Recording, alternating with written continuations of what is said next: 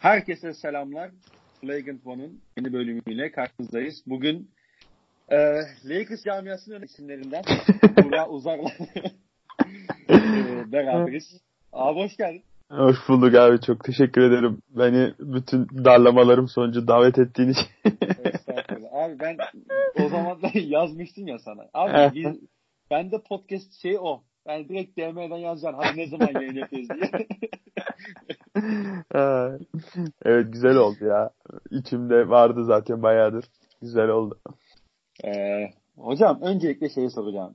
Anthony Davis takasını nasıl hallettin abi? Onu bir detaylarını anlat. Ya o uzun detayları bir alalım ya. Uzun bir çalışmaydı tabii bizim için. Magic'le biraz ters düştük orada. Ama sağ olsun Rob bizi kırmadı. Yani benim tarafımda yer alınca. Magic'le yolları ayırdık önce. Abi yani bilmiyorum sonuç olarak baktığımızda camiamız için hayırlı bir takas yaptığımıza inanıyorum ben. Birazdan takasla gönderilen yani gençleri de konuşacağız tabii ama e, evet. abi hani Los Angeles Lakers bilmiyorum senin sezon başı beklentilerin neydi ama en, en azından kendi adıma e, şunu söyleyebilirim. Beklentilerimin çok üzerine var. Yani e, özellikle hani iş yani maçı kazan maçları kazanma, iş bitirme noktasını ben bu kadar e, özellikle LeBron hani kararlı olacağını düşünmüyordum. Hani bilirsin yani LeBron özellikle Miami'deki son yılından itibaren hem savunmada biraz daha düşmeye başladı. Hem de biraz hı hı. normal sezona daha az anlam ifa- e, yani anlam vermeye başladı, önem vermeye başlamıştı.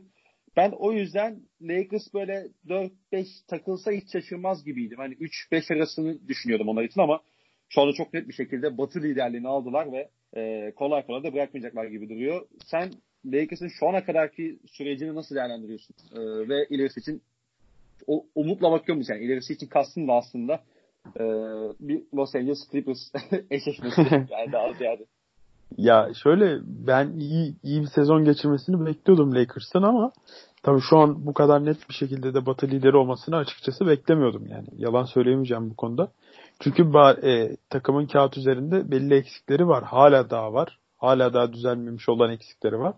Ama baktığımız zaman herkesin de söylediği gibi kimyası inanılmaz seviyede bir takım şu anda. Yani oyuncuların paylaşımlarından e, işte maç içerisindeki hal hareketlerinden falan her şeyden görebildiğimiz kadarıyla inanılmaz bir kimya var takımda. Bu da sahaya yansıyor. E tabi bunun yanında Dwight Howard başta olmak üzere ee, işte KCP'nin yükselen formu vesaire yani sürpriz oyunculardan da inanılmaz katkı alıyor Lakers. Ee, Batı liderliği şu anda gayet iyi bir noktada ama tabii hala bu demek değildi ki Lakers'ın eksikleri yok. Özellikle hani son Markif Morris hamlesi belki bu konuda çok önemli olacak.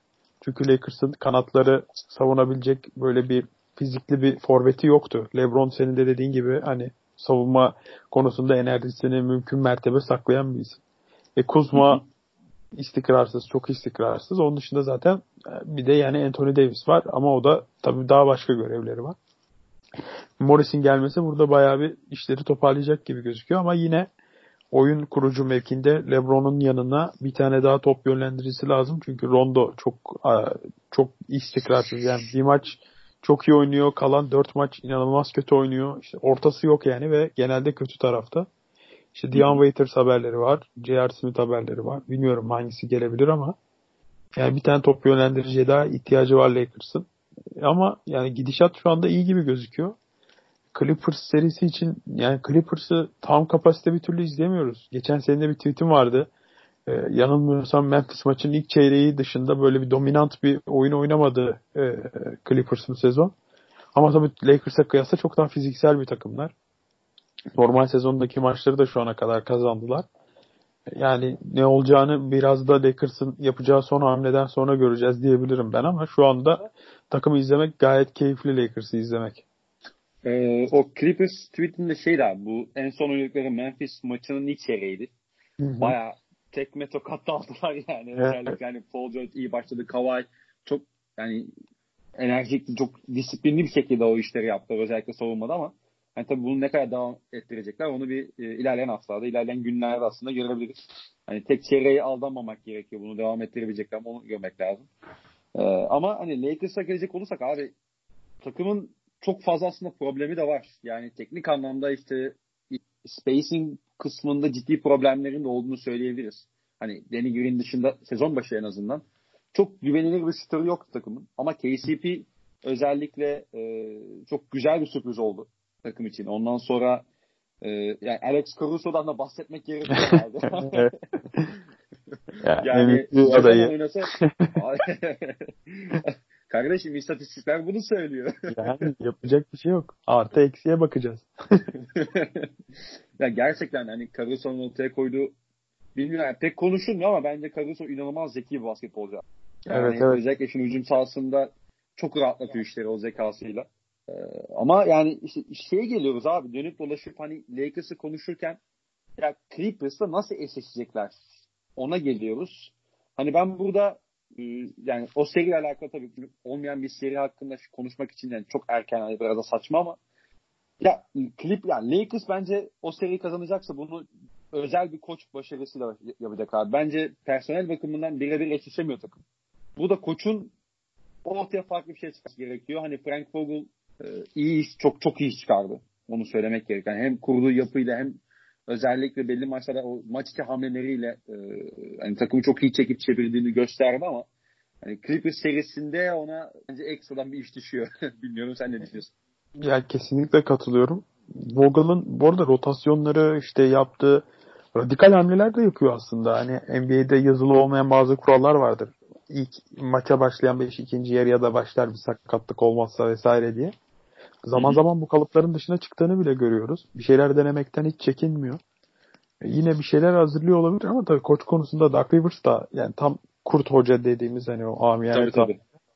O yüzden e, tabii sen çok haklısın. Yani Vogel'ın mutlaka bir şeyler yapması lazım. En azından yani bu Anthony Davis'in LeBron'un hırpalanmasını biraz azaltması lazım. İşte şutör konusuna gene geliyoruz. Sen de doğru bayağı doğru bir tespit. Yani ben de onu değinecektim. Ee, Lakers istikrarlı bir şekilde şut sokamıyor. Kaybettiği büyük maçlarda özellikle Lakers'ın. E, boş şutları buluyorlar işte ama boş şutlardan isabet bulamıyorlar. O da tabii LeBron'la Anthony Davis'in üzerindeki baskıyı daha da çok arttırıyor. Orada işte Danny Green evet Danny Green de çok istikrarsız bir normal sezon geçiriyor da ona güvenebilirsiniz her zaman. Ama KCP, Avery Bradley, işte şimdi Markif Morris geldi. O e, Kuzma, Kuzma en önemlisi belki de bunların. Mutlaka bir şey yapmak zorunda. Alan açmak zorunda ki e, LeBron ve Anthony Davis hani işlerini rahat, daha rahat bir mertebe yapabilsin. Çünkü zaten çok fiziksel olarak yıpranıyorlar gördükleri baskıdan dolayı. Ama işte e, orada istikrarlı bir şutör performansı alabilmiş değil Lakers. Danny Green de dahil bunlar ama onu birazcık daha ayırıyorum diğerlerinden. Çünkü e, o işler önemli olduğu noktada bence yüzdesini yine arttıracaktır. Öyle düşünüyorum en azından ben. Ee, abi Danny Green şut sokamasa bile hani yıllardan gelen özellikle San Antonio günlerinden gelen bir hani şey algısı var ya da işte böyle bir kabul var. Çok çok iyi bir şut yani onu boş bırakamaz. Sırf yani şut atamasa bile onun varlığı o spacing'e yeterli yardımcı oluyor. Hani onu görebiliyorsun. Ee, onun dışında ya Kuzma'dan bahsettim ben. Lakers'ın abi X faktörü Kuzma. Yani bunu herhalde gönül rahatlığıyla söyleyebiliriz. Çünkü hem şut atabilmesi hem aslında e, bir top yani şey böyle oyun kurusunu işte pick and roll yönetsin diyeceğim bir adam değil ama özellikle hani LeBron varlığı sayesinde onu çok güzel beslenebilecek işte biraz daha o e, savunmasına atak yapacak bir oyuncu olarak da kullanabilirler ki bu yani oyuncu meziyetleri var onda. Şu ana kadar tam olarak kendine bir yer edinemedi takımda. Onu gördük yani hem sakat başladı hem sonra işte bench rolünü tam kabul edemedi ve sürekli yani Lakers'ta işte ya LeBron oynuyorsun. Hani al bakalım hadi oğlum biraz da sen kullan diyen bir yapı da yok. Aynen öyle. Yani bocaladı hala önünde 25-30 maçlık bir periyot var bunu çözmesi için. Hani eğer çözerse Lakers'ın özellikle yarı saha hücumu bir tık daha zenginleşecek gibi geliyor bana. Evet, evet kesinlikle öyle. Yani Kuzma ritim oyuncusu birazcık. Geçmiş yani bundan önceki senelerde de topla ne kadar çok aşırı neşir olursa verimi o kadar çok artıyor ama işte yani LeBron gibi dominant bir figür varken yanında da Anthony Davis'i almışken öyle yani topa değmek bile bir şey gibi oluyor hücumda. Yani boş gittiği 4-5 hücum üst üste oluyor Kuzma'nın topa bile değmediği. Ee, burada önemli bir nokta aslında umut verici onun adına. Ee, Markif Morris'in gelişiyle Kuzma'yı daha çok üçte kullanmaya başlayacak diye haberler var Lakers için. Bence 3 numara onun daha verimli olduğu bir yer. Topla daha rahat katlar yapabildiği hani ve savunmada biraz daha az yıprandığı bir yer. Çünkü 4 numara oynarken çok zayıf kalıyor diğer 4 numaralara karşı ve hani bir de savunmaya enerji harcadığı zaman zaten hücumda istikrar bulamamışken gerekli şeyleri yapamıyordu hücumda ama Markif Morris'in gelmesiyle daha çok 3 numarada göreceğimiz söylendi Kuzma'yı ama tabii sabahki maçta özellikle e, korkunç bir performansı vardı Kuzma'nın ve çok az oynadı zaten. Yani direkt Markif Morris sahadayken bile Kuzma yoktu sahada. Howard'ı daha çok tuttu hatta koç. Yani onun belli bir ritim bulması Lakers adına çok önemli. Ben aslında Lakers'ın onu tutarak yanlış yaptığını düşünüyorum. Yani Kuzma'ya birazcık fazla güvendiğini düşünüyorum Lakers'ın. Ee, takas döneminde gözden çıkartılabildi ama orada da işte maaşı çok düşük. 2 milyon dolar kazanıyor yaklaşık Kuzma. Hani onun meç edebileceği bir kontrat yok Lakers'ın. O yüzden birazcık elde patladı gibi. Yani iyi olmasını um, ummak zorunda Lakers. Yani aslında yani Kuzma'yı takas edebiliyordu işte Marcus Morris için ama onun için yanında bir de Danny Green'i vermen lazım. Olmuyor yani işte zaten. Çok oluyor yani hani evet. kontrat denklemek için yanına bir oyuncu daha koyunca yani Kuzma bu arada gerçek anlamda potansiyelli genç bir oyuncu. Hani öyle e, yani Marcus Morris'te kafa kafaya takas olduğunda bile uzun vadede kazanan mesela Knicks olabilirdi ama tabii kısa vadede Lakers daha avantajlı olsa da yine bir kontratta daha dengelemesi gerekiyordu. Onu hiç yapamadılar. Ya, Doğal olarak. Ya Kuzma'nın evde kalmasının ben hani Lakers için çok şimdi bunun sebebini anlıyorum. Tabii ki hani sonuç olarak özellikle LeBron sonrasında elinde bir tek Anthony Davis kalacak. Muhtemelen hani şu anda görünen o. Hani Kuzma oraya ekstra bir parça işte ileriye dönük bir parça olarak görülebilir ama ya Kuzma iyi bir basketbolcu olacaksa bu özellikle şu Lakers'ı olmayacak abi. Onu ben ona ikna oldum ya kendi adıma. Hani o ve Lakers'ın şu anda kaybedecek vakti de yok. Hani bu sene olmadı işte seneye yaparız bu iş diyeceğim bir durum da yok. LeBron 34-35 yaş. O muhtemelen hiç yaşlanmayacak diye ben düşünüyorum. Hani son dönemde özellikle gördüğüm şeylerden sonra yani sabah da yine manyak bir maç oynadı. Herhalde yaşlanmayacak o. Oğlu emekli daha, daha önce emekli olabilir yani ondan. Oğlu geliyor John. Ronnie.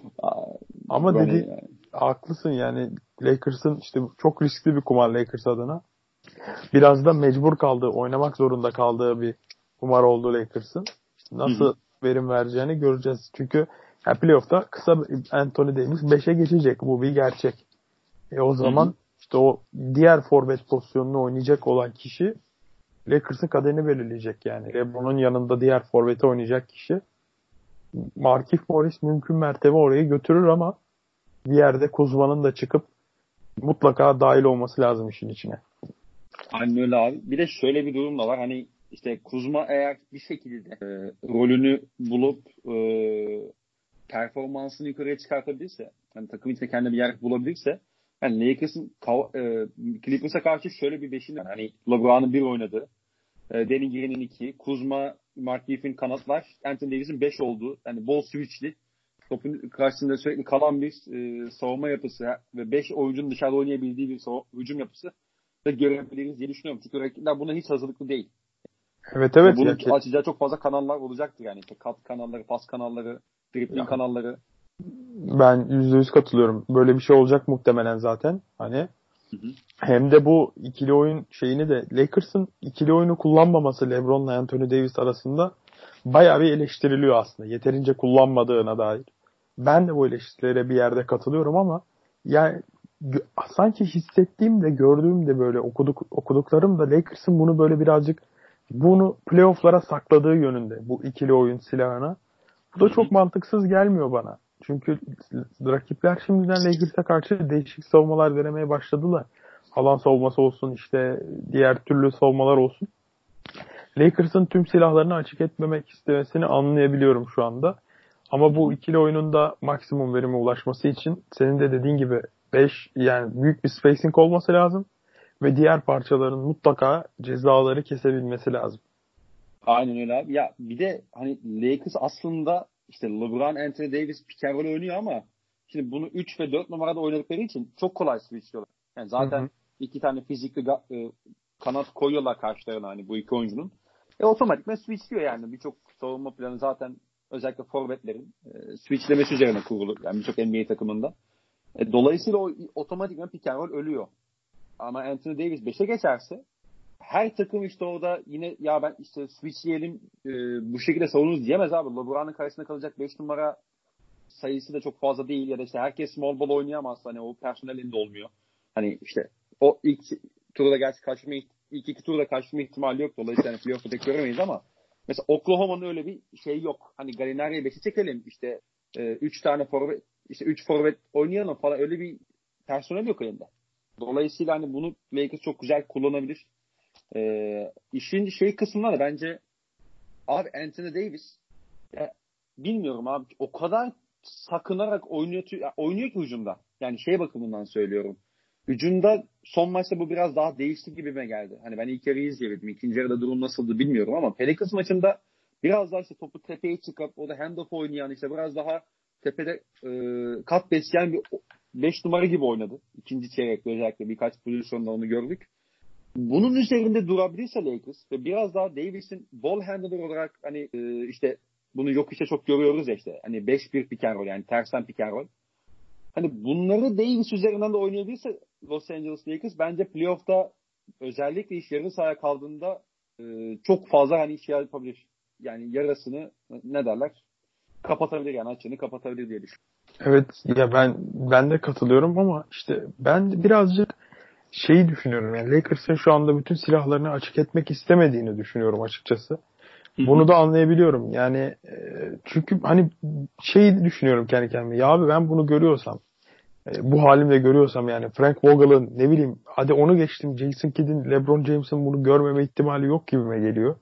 Tabii tabii. E, bilerek hani bir şeyler yapmak istemiyor olabilirler. Belli bir yerde cevapsız bırakmak istiyor olabilirler. Sürpriz yaratmak istiyor istiyor olabilirler rakiplerine karşı. O da mantıklı geliyor. Ama işte yani Davis ve LeBron o kadar yetenekli, o kadar şeyi iyi iyi seviyede yapabilen oyuncular ki gerçekten hani böyle bir hücum seti kurmaya başladığında bir sürü farklı şey söyleyebilirsin. Ya cidden evet. Anthony Davis gayet iyi bir şekilde ikili oyun oynayabilecek bir uzun yani. Hem ball handler olarak hem de finisher olarak. Ya dediğin Aynen. o kadar doğru ki yani 5'ten mesela bir numara LeBron'la oynayabilirler. Kuzma ile oynayabilirler. Ama Tabii işte oynayabilirler. evet. oynayabilirler. Yani işte birazcık o yüzden beklediğine inanıyorum ben Lakers'ın. Biraz da e, hani o diğer ball handler'ın gelmesi de gerekiyor bir an önce. Bazı şeylerin oturması için. Mesela Darren Collins'ın konuşuluyordu. O gelse çok iyi olabilirdi. Ama o, ibadete. evet değişik bir hayat yaşamaya devam etme kararı aldı. Şimdi Don Waiters ne nebze çözüm olur bunlara bilmiyorum. En çok konuşulan isimlerden birisi o ama göreceğiz yani. Bir takviye daha la- lazım Lakers'a kesinlikle. Ee, abi yani ekleyeceğin bir şey var mı bilmiyorum Lakers'a dair. Ama evet. istersen ikinci takımımıza geçebiliriz. evet. Ben Lakers'ı sabaha kadar konuşurum. o yüzden tabii, tabii, bence yani, güzel. Ya. Burada bırakalım. Tadını bırakalım. tabii tabii. Yani sadece şunu son bir son bir şey söyleyeceğim. Abi son iki maçta hani Boston ve Pelicans maçının yani ilk yarısını izleyebildim gerçi ama abi LeBron hakikaten bu sefer playoff modunu aç ya. ya abi gerçekten açsın artık. Gerçek kralla evet. aramız bu, bu sezon bayağı bir düzeldi. Kendisine kötü bir şey söylemek istemiyorum o yüzden. Geçen seneyi unutmak istiyorum hani. bir şey demiyorum kralımıza. Bizi taşısın, devam etsin. Biz onu biz onu başımızın üstünde taşırız. o zaman abi ligin en acayip takımına geçelim istersen. Ya abi Houston Rockets şu anda e, bir ritim bulmuşa benziyorlar aslında. Hani deneyleri şu ana kadar e, işlemişe benziyor. Bunu bence en güzel Westbrook üzerinden okuyabiliriz. Ama herkesin konuşu şey var abi tabii. Şeyin karşısında kimi atacağım? Anthony Davis'e karşı kimi koyacağım? İşte ne bileyim Denver'da yok işte karşı kime koyacaksın abi? Yani kimi koyacaksın abi oraya? Bu problem var. Yani sen Houston'un şu ana kadar ki hani bu deneyini nasıl buluyorsun ve bunun playoff'ta işleyebileceğini düşünüyor musun? Ee, şöyle yani bu Mike D'Antoni'nin aklının bir köşesinde vardı bayağıdır. Bu Phoenix Suns dönemine dair işte Neşli, Amareli, Sean Marion'la oynadıkları evet. döneme dair hatta söylediği şey vardı hani biz yeni bir şey denedik ama bir adım atmaya korktuk bir adım daha atmaya. Halbuki Aynen. o adımı atsak şampiyon olabilirdik belki tarzı bir demeci var. Burada o adımı attılar şu anda. Hani iki onun şey herkesi kovalayarak takımla. Hatta şey demişti ya abi. Hani Steve Nash'in maç başına 13'lük atmasını e, söylemeliydim işte onu daha cesar, cesaretlendirmeliydim. İşte hata yaptım orada diyor ya. Hani korktum diyor işte. İşte evet evet. Yani. İşte burada o adımı attılar yani. Bundan daha çılgın bir deney olmaz. E şu anda işliyor. Dediğin gibi tam Westbrook'un sistemi. Yani ilk şeyi geçtikten sonra topu aldıktan sonra çemberle arasında bir kişi kalabiliyor sadece. Onda zaten yani Westbrook'u hani birebir de tutabilecek savunmacı sayısı çok az. Genelde adamını geçiyor bir şekilde ve hani bu sisteme dönüldüğünden beri de acayip ortalamalarla oynuyor. Onun yanında hani Oklahoma'daki dominantlığıyla oynuyor. Ee, Harden üzerindeki yük birazcık azaldı ki bence onlar adına uzun vadede iyi bir haber bu. Çünkü hani Harden'ın o tempoyla bir de üstüne batı playoff'ları oynaması bence çok gerçekçi bir e, şey değildi onlar adına. Durum değildi. Çünkü yani her maç 40 dakika oynayıp işte 30-40 şut atıp sürekli topu elinde tutup hani oynayıp büyük bir efor sarf etmek yıpratıcı. Ama ben bu sistemin playoff'larda işlemeyeceğini düşünüyorum. İşlemeyeceğini düşünüyorum derken işte birçok takımın buna bir çözüm üretebileceğini düşünüyorum. Çünkü NBA'de normal sezon birazcık daha böyle e, rolantide geçtiği için ve hani çok fazla takımların birbirlerinin taktiğine çalışma şansı olmadığı için bu tip değişik sistemlere karşı çözüm üretmekte zorlanıyor takımlar. Yani Lakers maçında ilk denemişlerdi mesela onu. Lakers bile şaşırmıştı ki o kadar fizikli oyuncuları var. E, genelde topu posta indirmeye çalışmışlardı hani. Postada e, bir şekilde yardım getirmişti Houston. Ee, ama buna ben playoff'ta bir çözümün üretileceğini düşünüyorum bazı takımlar tarafından. Bunların başında işte Lakers geliyor. Ee, yine Denver olabilir. Tabii ki Clippers %100 yine olabilir. Ee, yani tutacağını pek sanmıyorum. Güzel bir deneme. Keyif verecektir mutlaka ama şampiyonluk getirecek bir sistem değil bence bu. Ee, işte yani dediğim gibi bu sisteme karşı da hani daha çok böyle sırtı dönük oynamaktan ziyade ikili oyun sonrası yüksek bitiriş ya yani Aliyup'la işte ya da havaya atıp bitirip hani o, o tarz bir şekilde topu dolaştırarak onun daha etkili bir çözüm olduğunu düşünüyorum. Çünkü sırtı dönüklere çok hızlı bir şekilde yardım getirebiliyorlar. Ee, yani dediğim gibi bence bir çözümü var bu sistemin. Yani 5 dışarıdanın ve hızlı bir şekilde tam hız gelen Westbrook sisteminin. Ama tabii şu anda hani Lakers mesela Anthony, Anthony Davis'in 5 numaraya geçtiği sistemde bunu çözebilir belli bir nebze. Yine keza Clippers işte Marcus Morris'i bile 5 numara oynatabilir bu sisteme karşı ki Kawhi ve yanında Paul George gibi iki tane e, inanılmaz savunmacı hatta Beverly'yi de sayarsak 3 tane yani bir şey, bir çözümü var bence bu sistemin. Ama izlemesi çok keyifli olacaklar olacak. Zaten öyle gidiyor şu ana kadar. Ee, bakalım yani izliyoruz. Severek izliyoruz. Sen ne düşünüyorsun? Ee, ya şöyle abi. Bundan önceki yapılarına geç yani baktığımızda sence mesela Houston'ın şampiyonluk şansı ne kadardı? Bence, varken. Bence yok gibi bir şeydi. Bence şu anda kendine bir pencere açtılar abi olacak olmayacak ayrı bir konu ama atıyorum belki şansları %5'ti ya da belki %1'di. Onu belki %2'ye ya da %3'e, %10'a neyse ona çıkarttılar ve e, öteki türlü zaten olamayacaklardı. En azından bence şöyle bir ihtimal ortaya attılar. Hani böyle yaparak bir ihtimal ortaya attılar. Ben bu deneyi e, keyifle takip ediyorum. Playoff'ta bunun bir yerde tıkanacağını düşünüyorum ama ben bu deneyden ziyade Harden'ın bir yerden düşünüyorum abi. Çünkü sen işte az önce bahsettin biraz daha yükü hani azaltmaya başladılar ama ya abi özellikle bu All-Star arasından önce de çok e, son maçlarda Harden'ın hani skorları işte yüzdeleri inanılmaz düşük. Çünkü inanılmaz bir derecede yani yıpran adam. O kadar büyük bir baskı şey o kadar büyük bir sorumluluk var ki üzerinde. Hani mesela bu sene Houston'ın en iyi yaptığı şeyden biri bence işte e, back to back'larda e, Westbrook dinlendirmeleri olma, olması. Yani o da işte atıyorum Memphis'e oynuyorlar. Brooklyn oynuyorlar. Brooklyn maçında oynuyor. Memphis maçında oynamıyor mesela. Ya da Atlanta deplasmanında oynamıyor. Ee, bunu Westbrook üzerinden gerçekten doğru bir şey yaptılar. Hani o da load management diyelim. Harden yapmadılar bunu. Belki ilerleyen dönemlerde yapabilirler. Ancak ee, yani bir saniye. Heh. Sesin geliyor değil mi şimdi sıkıntı? Evet evet geliyor. Demin de geliyordu. Yok ufak bir mikrofona sıkıntı geldi ama yani dediğin gibi abi e, yani Westbrook Westbrook bence çok iyi maksimize ettiler şu anda. Hem yeri geldi dinlendirdiler. E, işte bu, bu dört dışarıda bir işte Westbrook bir 5 numara gibi oynatmaları hakikaten şu anda onun performansını arttırır ama işte playoff'ta ne olur? yani nasıl işler bu? Westbrook yine su kaynatır mı? Kaynatmaz mı? Onu izlemek bu, bu podcast'te Westbrook'a laf edebiliyor muyuz ya? Ben onu bilmiyordum. Eski evladın Russell Westbrook'a. Hocam yani evet. bir şey söyleyebilirim yani. O de olsaydı laf ettirir miydim? Ettirmezdim tabii ki. o yüzden bir sorayım dedim emin olmak için yani ben. yani e, işin şeyi bir yana abi e, Houston şu ana kadar bütün her şeyi Westbrook'un varlığı üzerindendiriyor. Mesela sezon başında işte Capella varken işte Capella biraz da pot altında bekçi gibi oynuyordu ama ya Westbrook o kadar kötü açılarla o yani her o ikili oynayan sürekli kolay sayı buluyordu. Sürekli boş atış buluyordu mesela. İşte şu an onu tamamen değiştirdiler. Hani e, çok aşina oldukları düzeni devam ettiriyorlar switch savunmasına. Hücumda tamamen Westbrook maksimize etmek için oynuyorlar ama Westbrook mak bu e, maksimize ettiğin düzende e, ne kadar e, böyle şampiyonluk adayısındır o da ayrı bir zor evet. yani çok zor. Çok. Bence de katılıyorum sana. Ya hadi bunları geçtin diyelim. Batı'dan çıktın bir şekilde. Oldu bitti yani. Nasıl olduğunu bilmiyorum ama çıktın. Abi karşıdan Yannis gelecek ya.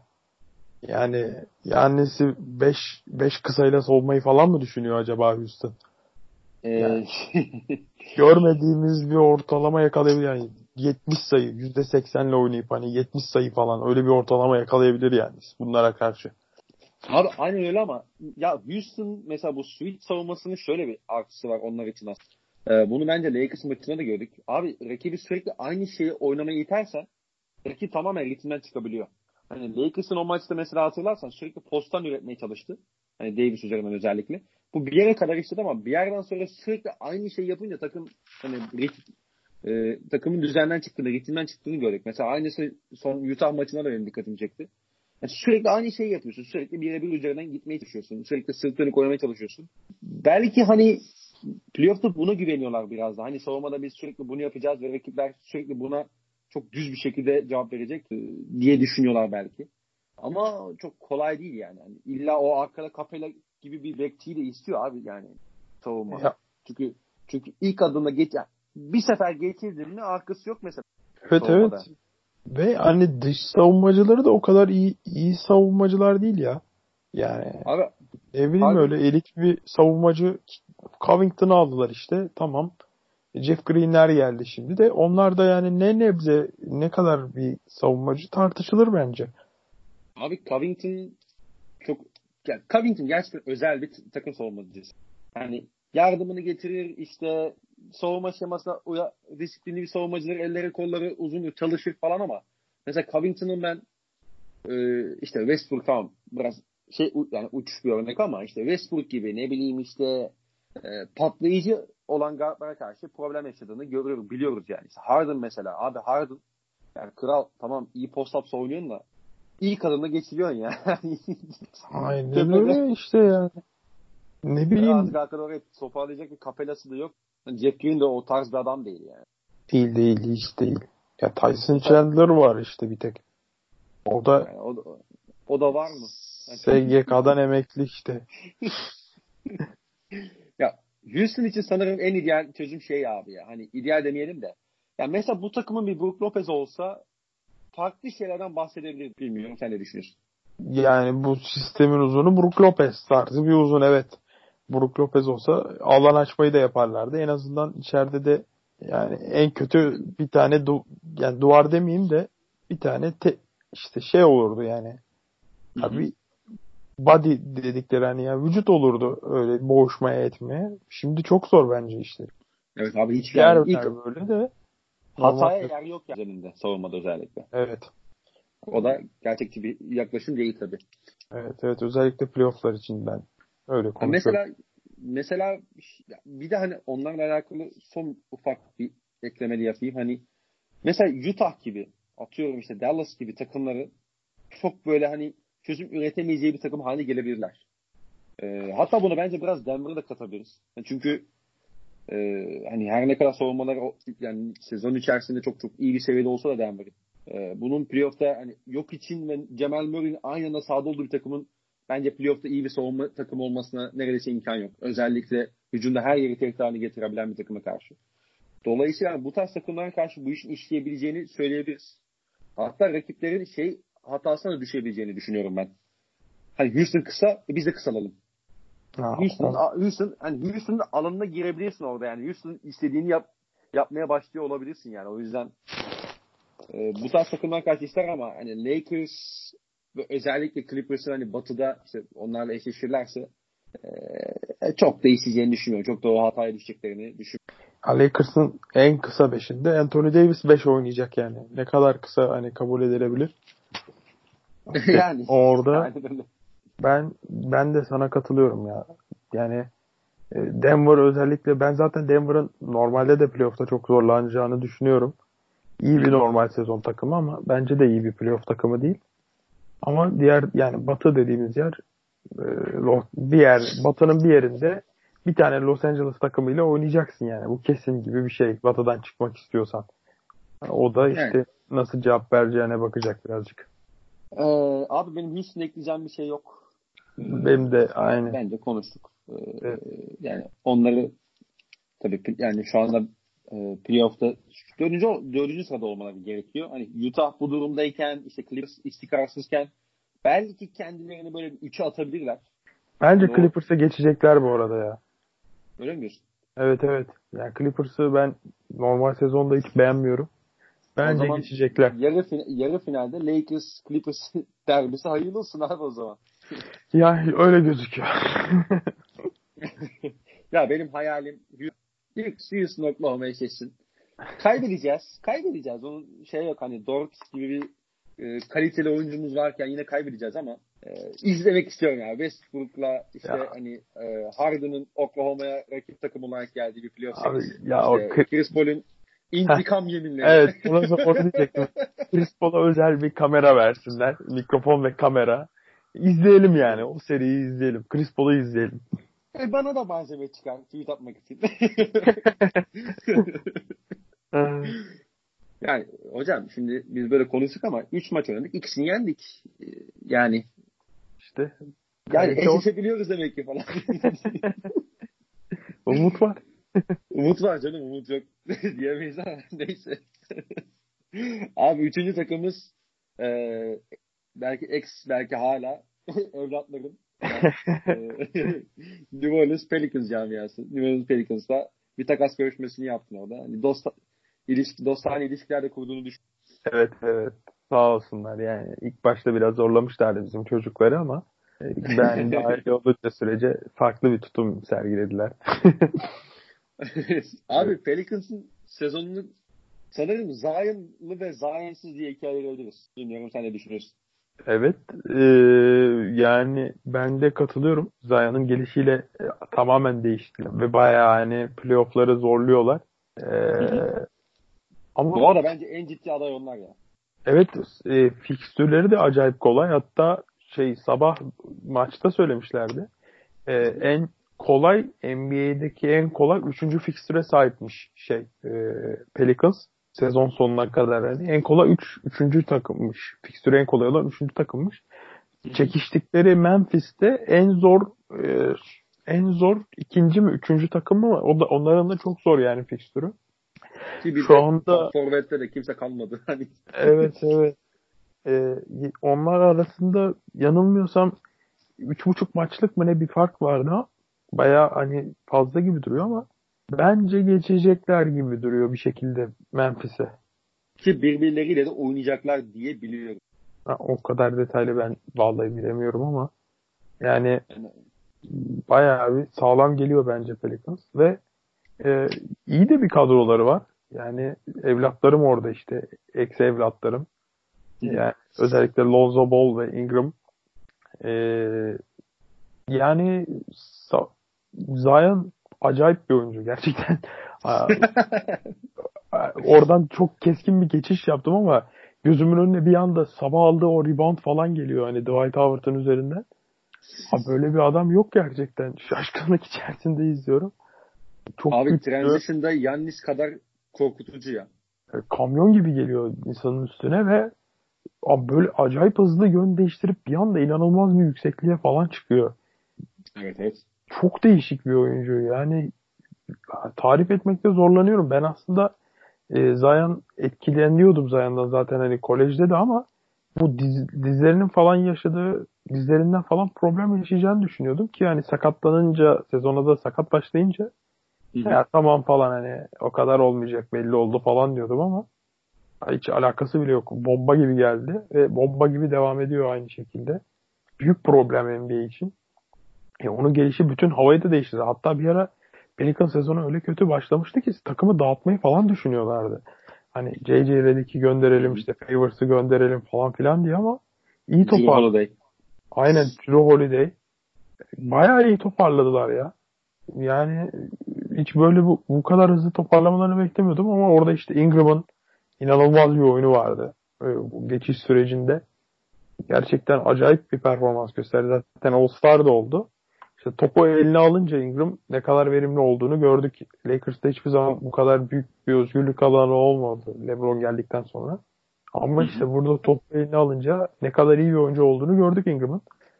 Onun dışında Lonzo sezona çok kötü başlamıştı yine. E, şutu mutu falan yine her zaman olduğu gibi büyük bir problemdi ama o da bayağı bir toparladı. Melli de son dönemde çok iyi. E, onlara iyi katkı veriyor. Yani güzel bir takımlar. E, playoff'ta görmek isteyeceğim bir takım. Zaten NBA de onları muhtemelen Memphis'i tercih edecektir. Ee, tabii tabii. Ama yani, yani takasıyla da falan tabii. Evet. Yani muhtemelen bizle yani Lakers'la eşleşecekler. Çok bir şansları yok bence. Alırlarsa bir maç alırlar diye düşünüyorum ama bütün maçları izlemesi bayağı bir keyifli olacaktır. Kesinlikle. Abi e, şimdi Pelicans'la alakalı hani Zion'ın tabii ki başlı başına hani sakatlığı çok ciddi problemdi ama sadece Zion değil hani çok fazla sakatlık yaşadı takım. İşte Lonzo maç kaçırdı. Drew, yani Drew'dan emin değilim ama işte e, şey Ingram kaçırdı, Favors kaçırdı. Hani takımın gerçekten kilit isimlerinin çok fazla maç kaçırdığını gördük. Ha şu da var. Ben hani kendi adıma şunu da söyleyeyim. Mesela Melli'den bahsediysen, Melli'nin katkı vermesinden bahsettim. Abi Alvin Gentry uzun bir süre Melli'yi sürekli 5 oynattı. Şimdi NBA'de Melli'yi 5 oynatırsan bunun çok fazla götürüsü oluyor yani. Hani işin özellikle savunmak için hiçbir şey savunamıyorlardı ama Melli son dönemde biraz daha hani işte Zion'la beraber kullanmaya başladı. Biraz daha Favors'ın yanına atmaya başladı. Daha fazla 4 gibi kullanıyor. Ee, ve bunun olumlu yansıdığını düşünüyorum ben. Mesela özel, Melli özelinde. Ee, bir de abi Melli normalde her zaman pasil ön plana çıkan bir adam değil miydi ya? Ben mi yanlış hatırlıyorum? Çok izlemiyorum Avrupa'yı ama pozisyonuna göre yani sağ görüşü ve pas yeteneği çok yüksekti evet. Yok yani pass first bir 4-5 numara değil miydi? Yani? Ha, yani topu yere vurmayı seviyordu. Zaten hani bambaşka bir podcast konusu olabilir belki ama Fenerbahçe'nin şu an bu sezon yaşadığı problemlerin birçoğu da aslında Melli'nin ne kadar değerli bir parça olduğunu gösteriyor bence. Ama tabii Hı-hı. o dediğim gibi bambaşka bir podcast konusu. Ama tabii. evet yani e, topu dolaştırmayı seven, e, ekstra pas yapmayı seven, e, oyun bilgisi çok yüksek bir forvet Melli. Pass first, e, pass first gibi değil ama pas vermeyi de gerektiğinde hani şey yani pas konusunda güvenebileceğiniz ikinci bir yönlendirici gibi sahada yer alabilecek bir uzun. NBA'de tam tersi abi. evet. yani elin aha boş şut deyip kaldırıp atıyor yani kral. yani şey için dedim bu Efes serisinde falan eleştiriliyordu biraz hani boşken bile atmıyor falan diye o yüzden de neyse. Hani burada işte o değişimi yapmışa benziyor yani NBA. Alışmış. Adapte olmuşa benziyor evet. aynen öyle. Ee, sakatlar bir de abi şöyle bir durum var. Zion ya bu takım belki de en böyle hani işte savunma kısmında hani her, her ne kadar çok ham ve yani eksikler olsa da abi dört numarası yok abi takımda böyle güvenebileceğin hani savunmasına güvenebileceğin dört, bir dört numarası yok. Çok kısa kalıyorlar ya da çok zayıf kalıyorlardı. Ee, Zion'in gelmesi oyun noktada etkili oldu diye düşünüyorum. Bir de abi yani Lonzo şut atmaya başladı. Ingram şut atmaya başladı. E zaten bunların ikisi şut atmaya başlayınca birçok problem ortadan kalkıyor ya.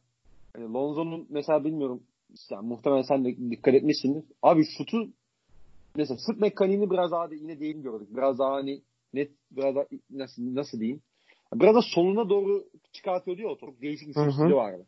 Biraz daha bunu hani biraz merkez, yani merkeze kaydırmışa benziyor ve çok çok çabuk çıkartıyor elinden.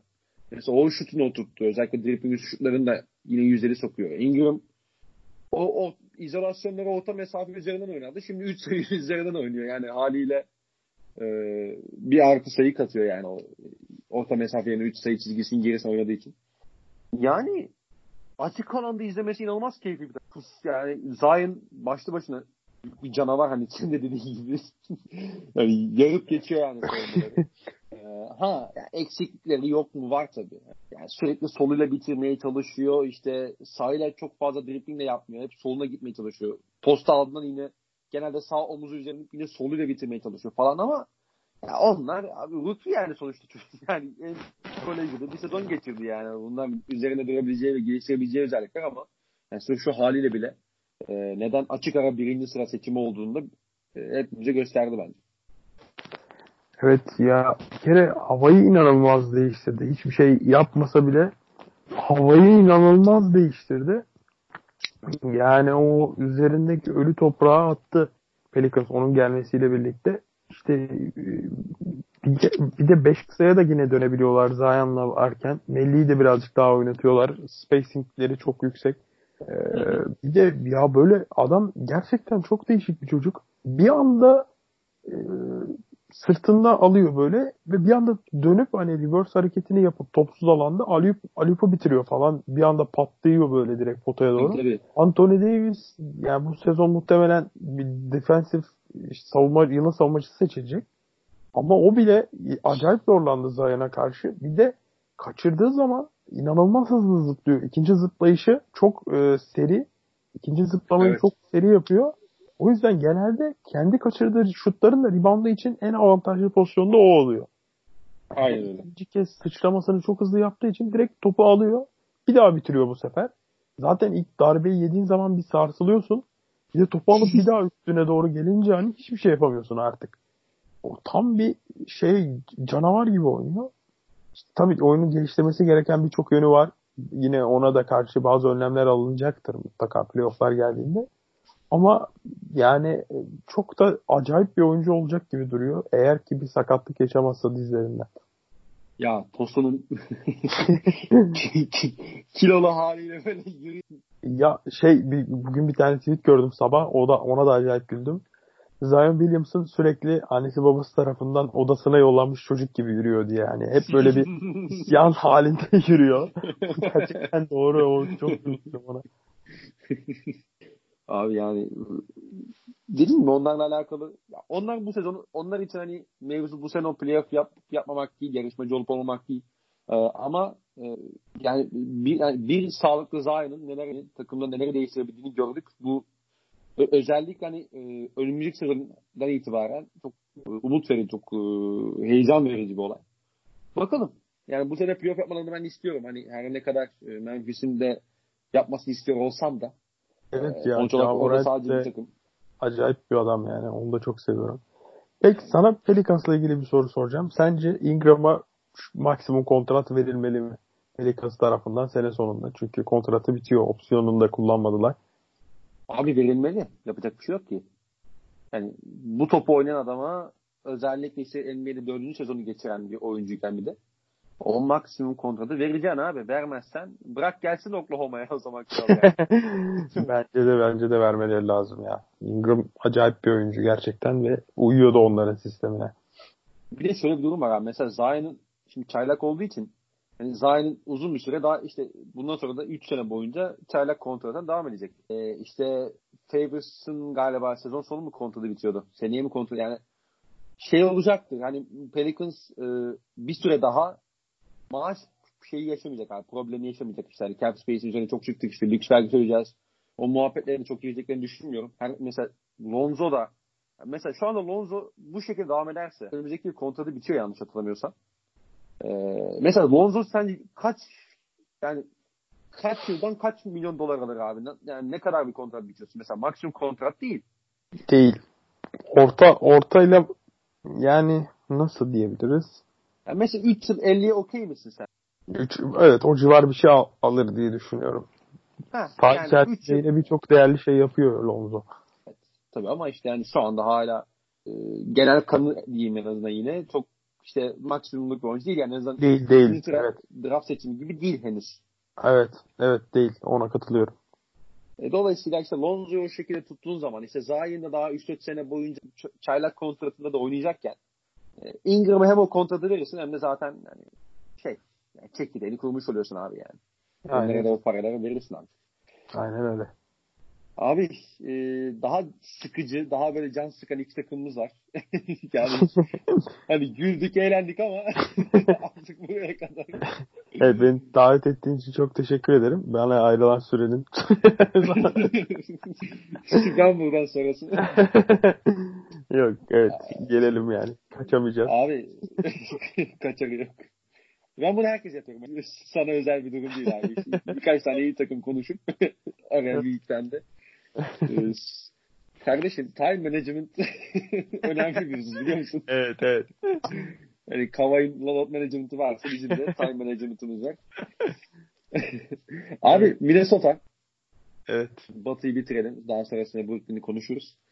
Ee, Minnesota şu anda yani derece bakımından çok kötü durumda. Oyun anlamında da sezona o ilk belki işte bir aylık süreç sonrasında da hani oyunlarında çok geriye gittiğini söyleyebiliriz. Ee, ama bir takas yaptılar. Bir D'Angelo Russell, e, Andrew Wiggins takasını gerçekleştirdiler.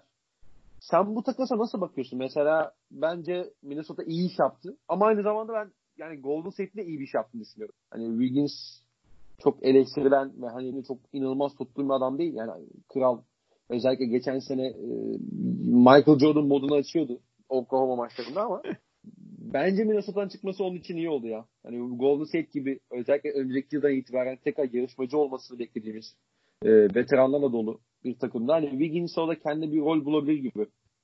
Yani belki de Wiggins go to guy değil de iyi bir tamamlayıcı parça olacak oyuncu. Belki adamın olayı bu yani. Bütün yeteneklerine rağmen. Evet bence de ya ben ilk takası şey yaptığımda hani gördüğümde takas haberini dedim ki yani bayağı büyük soygun yapmış Minnesota diye düşündüm. Çünkü ben D'Angelo Russell'ı bayağı istiyorlardı onlar. Özellikle Carl Anthony Towns hani acayip istiyordu. Bu takası şöyle de değerlendirmek gerek. İki, iki türlü değerlendirebiliriz. Birincisi sağ içi sebepler. Ona birazdan değiniriz ama ikincisi e, Carl Anthony Towns'ın son dönemde Minnesota'dan ayrılmak istediği, ayrılacağı falan konuşuluyordu. En azından onu kısa vadede birazcık önüne geçtiler. Yani D'Angelo Russell'la Carl Anthony Towns çok yakın arkadaş. O geldiğinden beri tabiri caizse yüzünde güller açıyor Carl Anthony Towns'ın. Havaalanında falan ha, aynen havalimanında falan bile karşılama noktasında hani adamı hasretle bekliyordu. O yüzden o da e, o da biri eksik kaldı biliyor musun? O da, onu da tamamlayacaklar mı bilmiyorum ama hani Devin Booker. evet, tabii aynen kaybedenler kulübü. Aynen, ya da Bradley Abi Bradley bir almasınlar ya. yani o kadar da değil. Onu ben bize bekliyorum açıkçası. Hani öyle konuşmuştuk ama. Cuk oturur hocam. Onu bir halletsen. Vallahi billahi dur. Ben bir Washington'a bir ben bir Beyaz Saray'a çıkayım ya.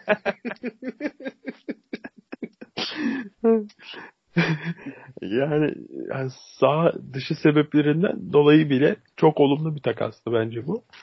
Ee, ama yani baktığın zaman da korkunç korkunç bir dereceleri var. Yani bu kadro nasıl Batı'nın dibinde olabilir? Yani Golden State'in bir tık üstündeler. Ya Phoenix'ten falan kötü adamlar. Bunu nasıl başardılar? Gerçekten inanamıyorum. Ee, bu sezon playoff töreni çoktan kaçtı. Ama seneye ne yapacaklar gerçekten merak ediyorum. En azından e, o hani hayalini kurdukları ikiliyi kurdular. E, ama işte yani bu ikili ne kadar başarılı olacak? Takas sırasında da e, Warriors'ın D'Angelo Russell'ı aldığı andan itibaren takas edeceği zaten konuşuluyordu ama e, D'Angelo'nun takım içindeki atmosferi de bayağı bir bozduğu haberleri de var e, takas son, takastan önce. Hani Warriors onu zaten göndermek istiyordu. E, ama başka sebeplerden dolayı da bu takasın gerçekleştiği için mutlu oldukları yazıldı. Bu da yani D'Angelo için bence büyük bir e, eksi daha. Daha önce Lakers'ta da bir problem yaşamıştı işte takım arka Nick Young olayı malum. Yani takım arkadaşları bayağı yüzüne bakmıyordu onun bir ara. E şimdi Warriors'ta da düzeni bozdu ki Warriors gibi bir organizasyonda düzeni bozmak ekstra bir çaba ister. Ee, yani bunu başardığı için bilmiyorum kariyeri nasıl şekillenecek ama burada da böyle tutunamazsa tam Brooklyn'de iyi bir dönem geçirdi. Ama orada da rolünü bulmakta uzun süre sıkıntı yaşamıştı. Spencer Dinwiddie ile özellikle yani e, birbirlerini çok şeylerdi böyle negatif gibi duruyorlardı. Abi Levert'ün sakatlığı olmasa Aynen. Onu diyecektim ben de tam. Hani ne zaman işte Lovert birazcık denklemden çekildi. O ikisinin süreleri biraz daha ayrıştı birbirinden. O zaman toparlamıştı. Hani burada da tutmazsa ya bir şey damgası yiyecek artık. İyice sorunlu yıldız şeyi damgası yiyecek. E, Şımarık çocuk. E, aynen, aynen öyle. E, bir yandan da yine tutmazsa bu sefer Carl Anthony Towns da sağlam bir loser damgası yiyecek yani. Geldiğinden beri tamam inanılmaz yetenekli. Acayip yani. NBA'in belki en, en yetenekli pivotlarından birisi. Ee, ama bir şey de yaptığı yok yani geldiğinden beri. Tamam bireysel olarak iyi götürüyor işi ama yani playoff'un yakınında bile değiller geldiğinden beri. Onun için de yani önemli bir sınav olacak gelecek sezon. Ben öyle düşünüyorum en azından. Ya abi bir sezon işte playoff yaptılar. Orada da şey vardı biliyorsun. Yani Jimmy Butler. Ha, evet evet. Vardı. Hani o, o, o takımın son sıralarda. Oy. Heh, aynen. Ha. Son sıradan geldiler bir hani işte son maçı Denver'a kaybetseler yine yapamayacaklardı belki playoff'a. Neyse yani. Belki yani yapamıyorlardı zaten. Hani finali kaybetmiş oluyorlardı. Yani neyse. Abi şimdi sen Towns'tan bahseden loser damgası dedin ya. Yani o loser damgasını Towns kendi kendine vuruyor abi. Ya bir insan bu kadar mı yani kaçarak dövüşür ya savunmada. Abi Towns'un savunma performansı izledikçe ben şeye inanıyorum. Hani ya bu çocuk gerizekalı bile değil. Hani, hani, hani ben bunu Diaby'de söylüyorum tamam mı? Bizim değil mi? Ama hani, niye hatırlattın hani, şimdi? Yani ne güzel bak NBA konuşuyoruz. Gerek var mı Abdülay Diaby'ye? Abi bak mesela Diaby geri zekalı bile değil. Hani dersin ya işte ya salak salak şey yapıyor. Karar, abi yok yani karar mekanizması sıkıntılı falan. Yok çünkü hiçbir şey yok. İşte Towns'un savunması izlerken ben birebir o moda giriyorum. Ben hani şey hayali kuruyordum açık konuşayım işte sezon başında o kadar pik aldık işte seneye Towns'a yürür müyüz Minnesota yine boka sararsa işler işte ben çıkacağım falan deyip yani şey Gilles Alexander, Carl Anthony Towns, Kentucky boylar e, birleşiyor falan diye düşünüyordum. O kadar soğudum ki yani Towns. Yani şu anda verseler alırım gerçi çok şey yapamam. yükselmem yani. ee, o yüzden ya Towns eğer loser damgasını yemek istemiyorsa savunmada e, kendini tamamen değiştirmek zorunda abi. Hiç, evet. Hiç, abi topa sırtını bir insan döner mi ya? Ve pivotsun. Karşılaman Pivotsun lazım. Ya. Abi her şeyi senin çekip çevirmen gerekiyor. Yani kusura bakma yani süperstarsın okey de Anthony Davis'in süperstar yani. Evet. Ya işte hani bundan önceki bahanelerini anlıyorduk Towns'un. Takımı sevmiyordu. Yani takımı sevmiyordu demeyeyim de inanmıyordu bence takıma. Sonra işte Jimmy Butler'lı sezon e, Butler'la olan olayları malum hani birbirlerine girilmelerine ramak kalmıştı. Butler öldürecekti Wiggins'ler onu. şimdi bir bahanesi haklı. yok. Yani. Haklı evet haklı. Ama şimdi bir bahanesi yok. En yakın arkadaşlarından biri geldi. Genç genciz, güzeliz. Hani onlara baktığın zaman. Oyna abi o zaman. Buyur artık. Er meydanı senin. Bahanen yok. Oynayacaksın ya da biz sana loser diyeceğiz artık. Bu podcast'te. Aynen öyle. Bu podcast'te nasıl söyler falan diye. bir kere yükseliyormuş. ya işte işin teknik kısmına gelecek olursak da şimdi D'Angelo Russell ve Towns ikili aslında birbirini iyi tamamlayan bir ikili. Hani mesela şey yani D'Angelo Russell'la alakalı şunu işte. Daha fazla çizgiye gitmeli, daha fazla potayı zorlamalı, daha fazla e, istemeli e, diyebiliriz ama yani bir kere abi D'Angelo Russell, Towns pick and pop'unu savunmana çok ihtimal yok. Yani uzunu dropladığını düşün yani işte ikili sıkıştırma getirdiği için Towns bomboş kalıyor. E, perdenin altına geçtiğini düşün ve bu sefer D'Angelo Russell kaldırıp üçlü atıyor. Ya da işte orta mesafesinde atıyor. Floater'ını atıyor. Neyse. E, switch yaptığını düşün. E, Russell'ın karşısına kalabilecek yani 5 numara sayısı da çok fazla yok. Yani her ne kadar çok patlayıcı bir adam olmasa da o da e, yeni bir şekilde becerebiliyor. Ya da işte pot altında Towns bunu işleyebilir. İşin şey kısmından, teknik kısmından burası çok çok cezbediyor. Çok böyle hayal kurduruyor açıkçası ama savunmadan ben hiç emin olamıyorum. yani Towns bu durumdayken D'Angelo Russell hiçbir şey yapamıyorken savunmada. Hani D'Angelo Russell böyle diz direk olsa daha faydalı olur. Yani inanılmaz eksi yazıyor. Zarar veriyor. Ee, hani etrafına 3 tane çok özel savunmacı koysalar bile ne kadar işler bu? Ne kadar savunmada birbirine çıkabilirler? Hani Towns da özellikle bu kafadayken.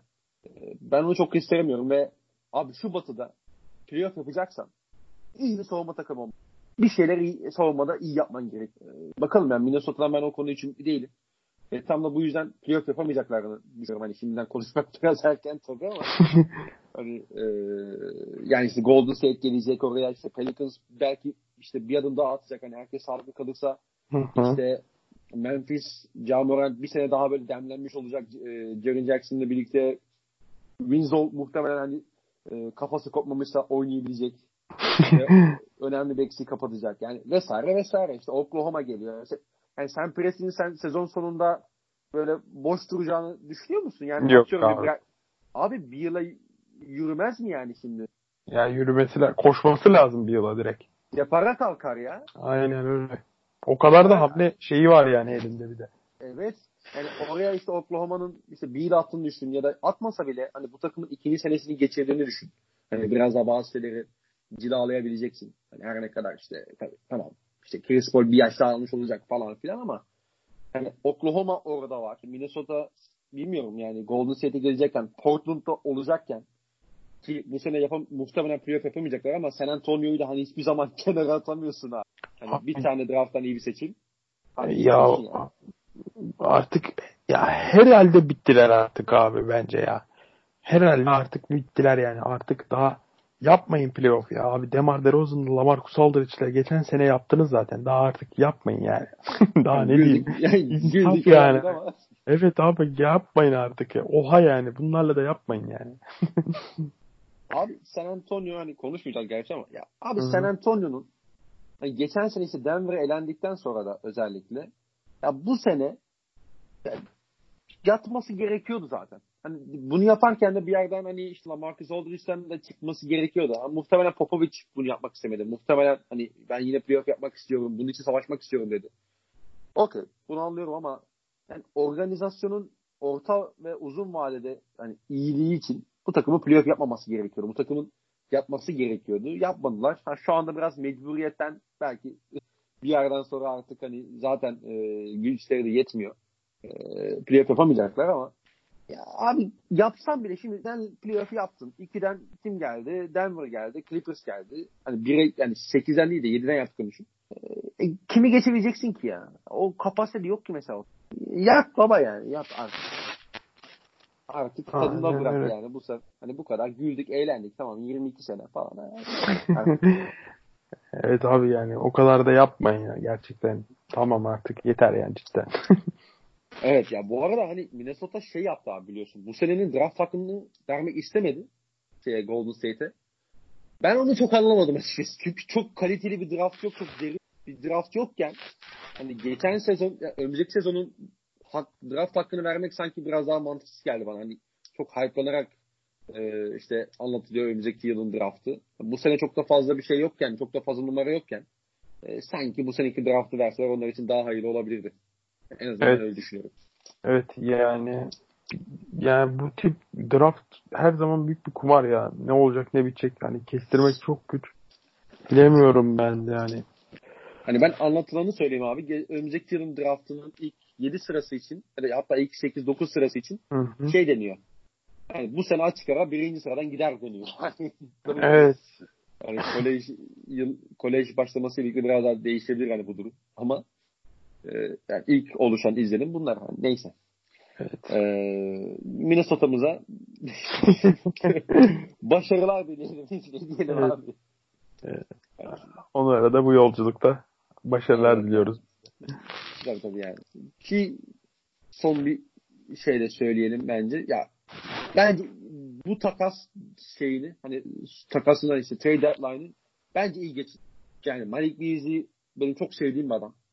Şimdi kontrat sezonu geldi tabii. Yani ne alacak onu bilmiyoruz ama e, o iyi bir ekleme. İşte Juan Hernan Gomez yine iyi bir ekleme. Oradan e, şey de aldılar işte bu Covington için. Yanlış hatırlamıyorsam iki tane mi birinci tur aldılar? Aa, o draftta timeline'e her yeni değişimde o takas biraz daha değiştiği için şu an hatırlamıyorum kaç tane sanırım draft sanırım Houston, sanırım şey oldu abi tamam. Yani Houston'ın ve işte e, Brooklyn Nets'in e, draft hakkını aldılar bu sezonki. Bir e, Houston'ınkini şeye gönderdiler. Denver'a gönderdiler. İşte Malik Beasley ve Juan Hernan Gomez'i. Yani ki Brooklyn'in draft hakkı da şimdi gelir zaten. Yani oraya bağlarız. Yani Brooklyn draft hakkı da böyle 16'dan, 15'ten, 17'den falan gelecek gibi duruyor ki e, değerli olabilir. Yani oradan bir alabilirler yani. Çok da değersiz değil sonuçta. Evet evet. Olabilir. Katılıyorum. Yani Malik Beasley de özellikle Denver'da istediği şeyi bulamıyordu. O geniş rotasyonda falan.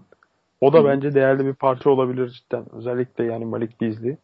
Ee, yani tabii takasın biraz görünmeyen yüzü gibi onlar ama sessiz sedasız iyi hamle yapmış olabilirler. İyi iki rotasyon oyuncusu almış olabilirler. Hatta Malik Beasley ile daha bile fazlasını bulmuş olabilirler.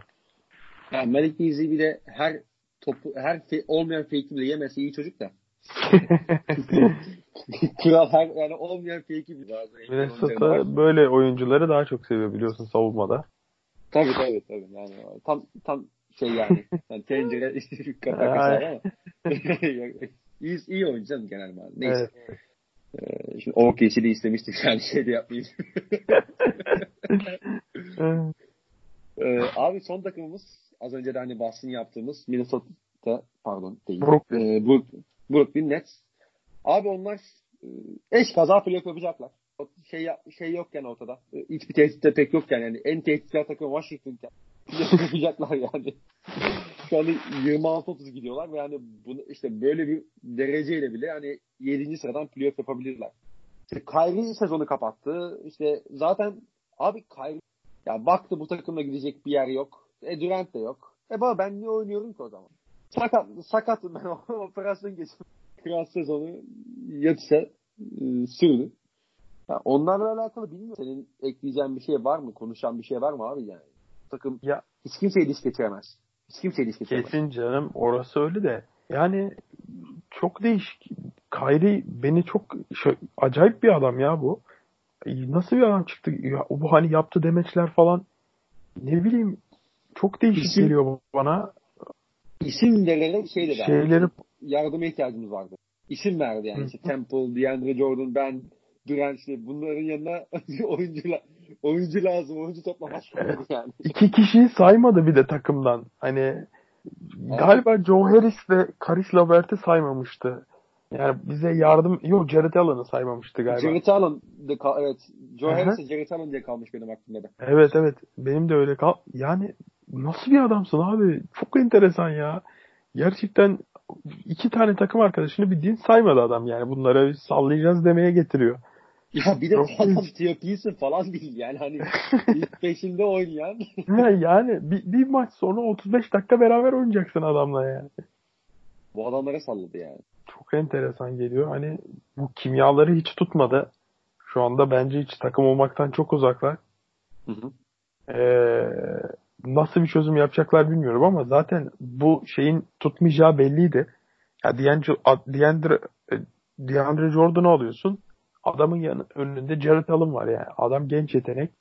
Senin DeAndre Jordan'dan bence daha iyi bir oyuncu Jared Allen. Potansiyeli daha yüksek.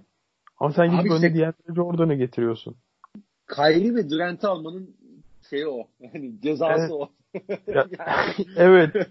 kabul edilebilir bir ceza. Buna buna buna okeyim. Yani Ama Durant şey yapıyor işte ya Sean Max hocam yani tamam saygıyla getiriyorlar. Bizim bir de Diandre var. iyi çocuk ya. Allah bak. Sen buna 4 yıl 40 ver ben de geleyim falan. ya, evet yapılabilir tabii ki Kyrie ve Durant için de. Abi yani bir takas geleceği belliyken o takası yapmamaları Joe Harris'i de Jared Allen'ı da vermemeleri. Joe Harris'e niye taktılar bu arada bilmiyorum. Yani adam gayet iyi bir şutör.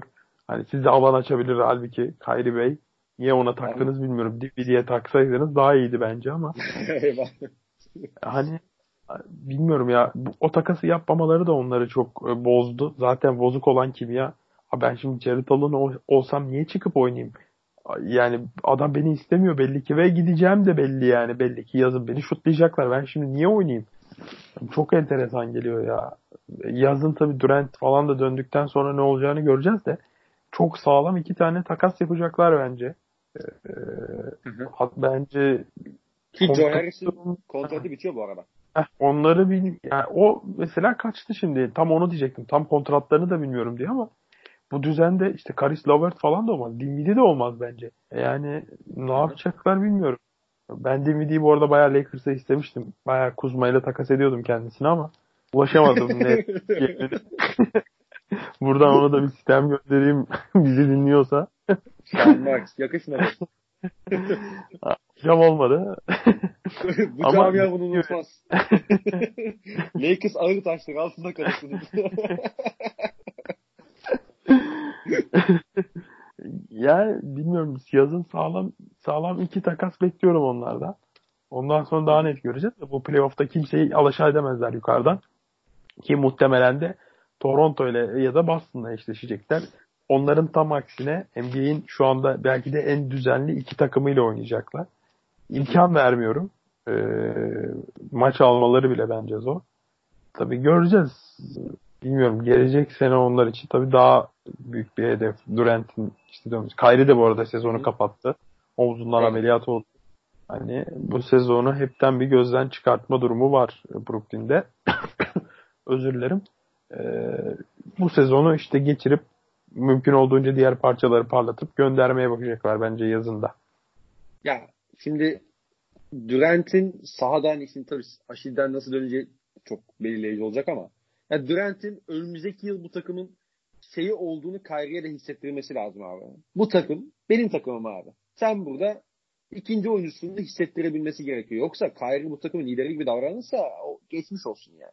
Yine gidecek salak saçma açıklamalar yapacak işte hiç top vermeyecek sürekli top elinde alacak işte yok gideyim şöyle saçma sapan bir e, orta mesafe atayım fade away falan triplerini girecek.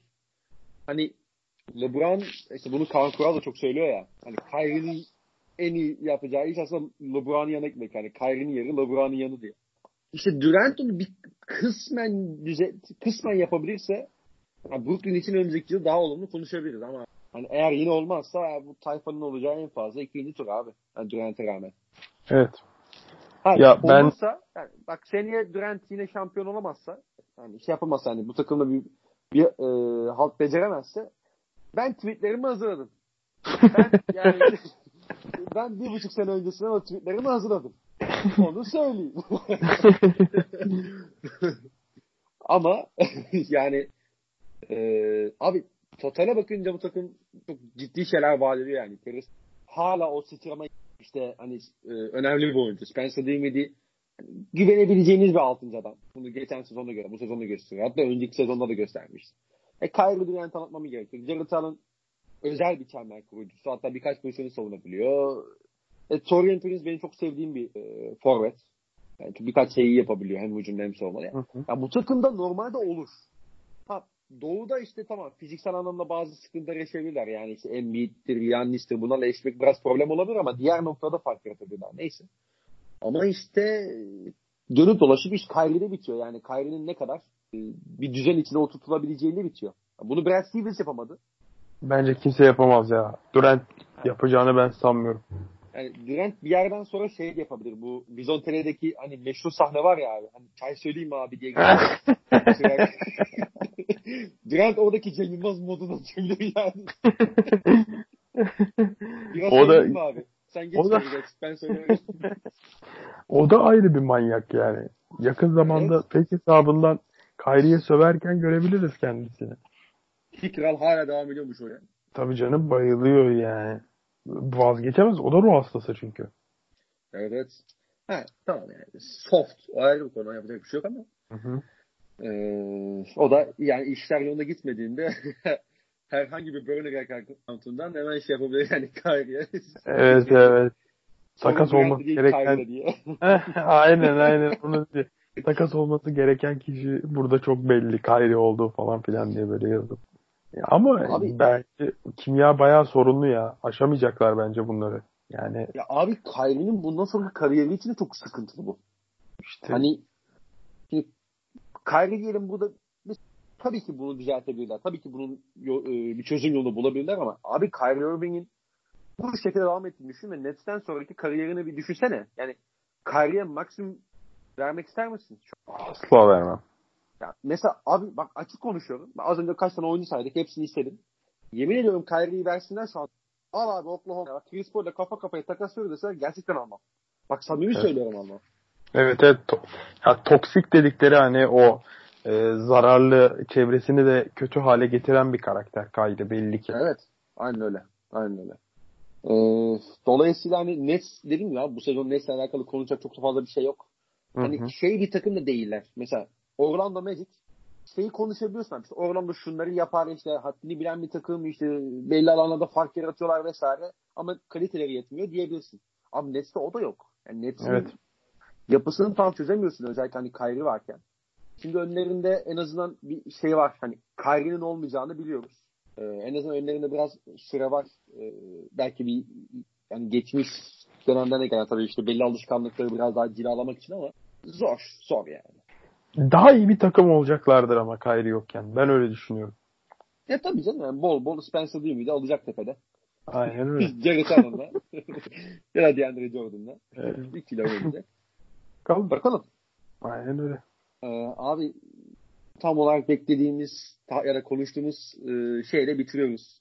Ee, çok şükür. Geçenki çok şaşırtıcı. Bizim için gerçekten bu büyük bir başarı. tabii tabii yani yani geçen yayında evet, yaptığımız ilk iki yayın galiba iki saate aşkın sürede evet. bitmişti. Yani, yani artık bir yerden sonra abi doğuyu da Sonraya bırakalım'a dönmüştük. ben bu arada baya yani aynı bu, bir bu kadar daha konuşurum cidden. Baya keyifli gittiği için. Abi yani, yani sırf iki saatler kaygı duran konumuz ya. O tabii malzeme inanılmaz mı oldu yani? O inanılmaz bir hikaye var orada. yani senin çok güzel malzeme çıkacak oradan kaos. Severiz. evet evet. Güzel olacak. Şimdi duruyor aynen öyle. ee, Duram ağzına sağlık. Aa, çok teşekkür ederim davet ettiğin için. Arayı açmayalım. Lütfen. Gene gelmek Sık isterim yani. Tabii canım ne demek ya. Ya kardeşim. Dediğim gibi yani bir DM uzaklıktayız yani. DM, DM'yi atıyorsun. Eyvallah. Onun, Eyvallah. Onun cevabı. Eyvallah. Sadece ne zaman olacağını konuşuruz. teşekkür ederim. Tekrar davet ettiğiniz için çok keyifliydi. Ben de davetimi kırmadığın için teşekkür ederim ayrıca. Ederim. Flagrant One'ın sonuna geldik. Umarız yani sonuna kadar dinleyenler de varsa e, keyif almışsınızdır. Ben kendi adıma çok keyif aldığımı belirtmeliyim. E, bir sonraki Flagrant One yayınında görüşmek üzere. Hoşçakalın.